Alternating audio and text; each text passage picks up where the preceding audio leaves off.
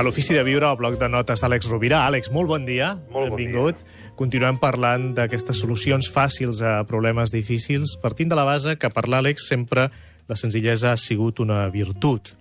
Creus que la, en la simplicitat hi ha també moltíssima autenticitat, Àlex? Jo penso que sí, Gaspar. De fet, um, Leibniz deia que senzill vol dir sense parts, és a dir, simple és lo indivisible, allò que no es pot descomposar més. No? Um, D'alguna manera, quan parlem d'una vida senzilla, jo crec que estem parlant de, de no fingir, de no ser un snob, ni un interessat, ni un manipulador, i la senzillesa probablement és una de les virtuts més agradables. La gent senzilla, que fa amables les coses pels altres, que no té cap pretensió ni cap vanitat, que viu sòbriament i que d'alguna manera amb, amb, la seva, amb el seu tarannà manifesta un comportament ecològic, eh, eh, moltes vegades ètic. Jo penso que la, que la senzillesa ben entesa, eh, si va lligada amb l'ètica, ens porta a la integritat, no?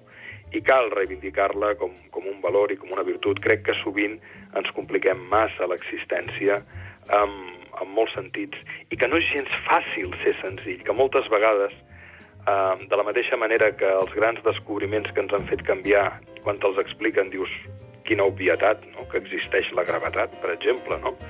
Doncs la senzillesa sembla una cosa molt, molt senzilla, però que conquerir-la no és gens fàcil, menys en un món on de la complexitat, on de la hiperestimulació, on de, on de la confusió se'n fa, diguéssim, una arma mediàtica i una arma tecnològica per eh, sovint esclavitzar els ciutadans en el consumisme i en hàbits complexes. No? Per tant, és un valor fonamental que crec que n'hauríem de dedicar fins i tot encara més programes a parlar d'ell. Àlex Rovira, moltíssimes gràcies, que tinguis molt bona setmana. Fins Una diumenge. forta abraçada a tots.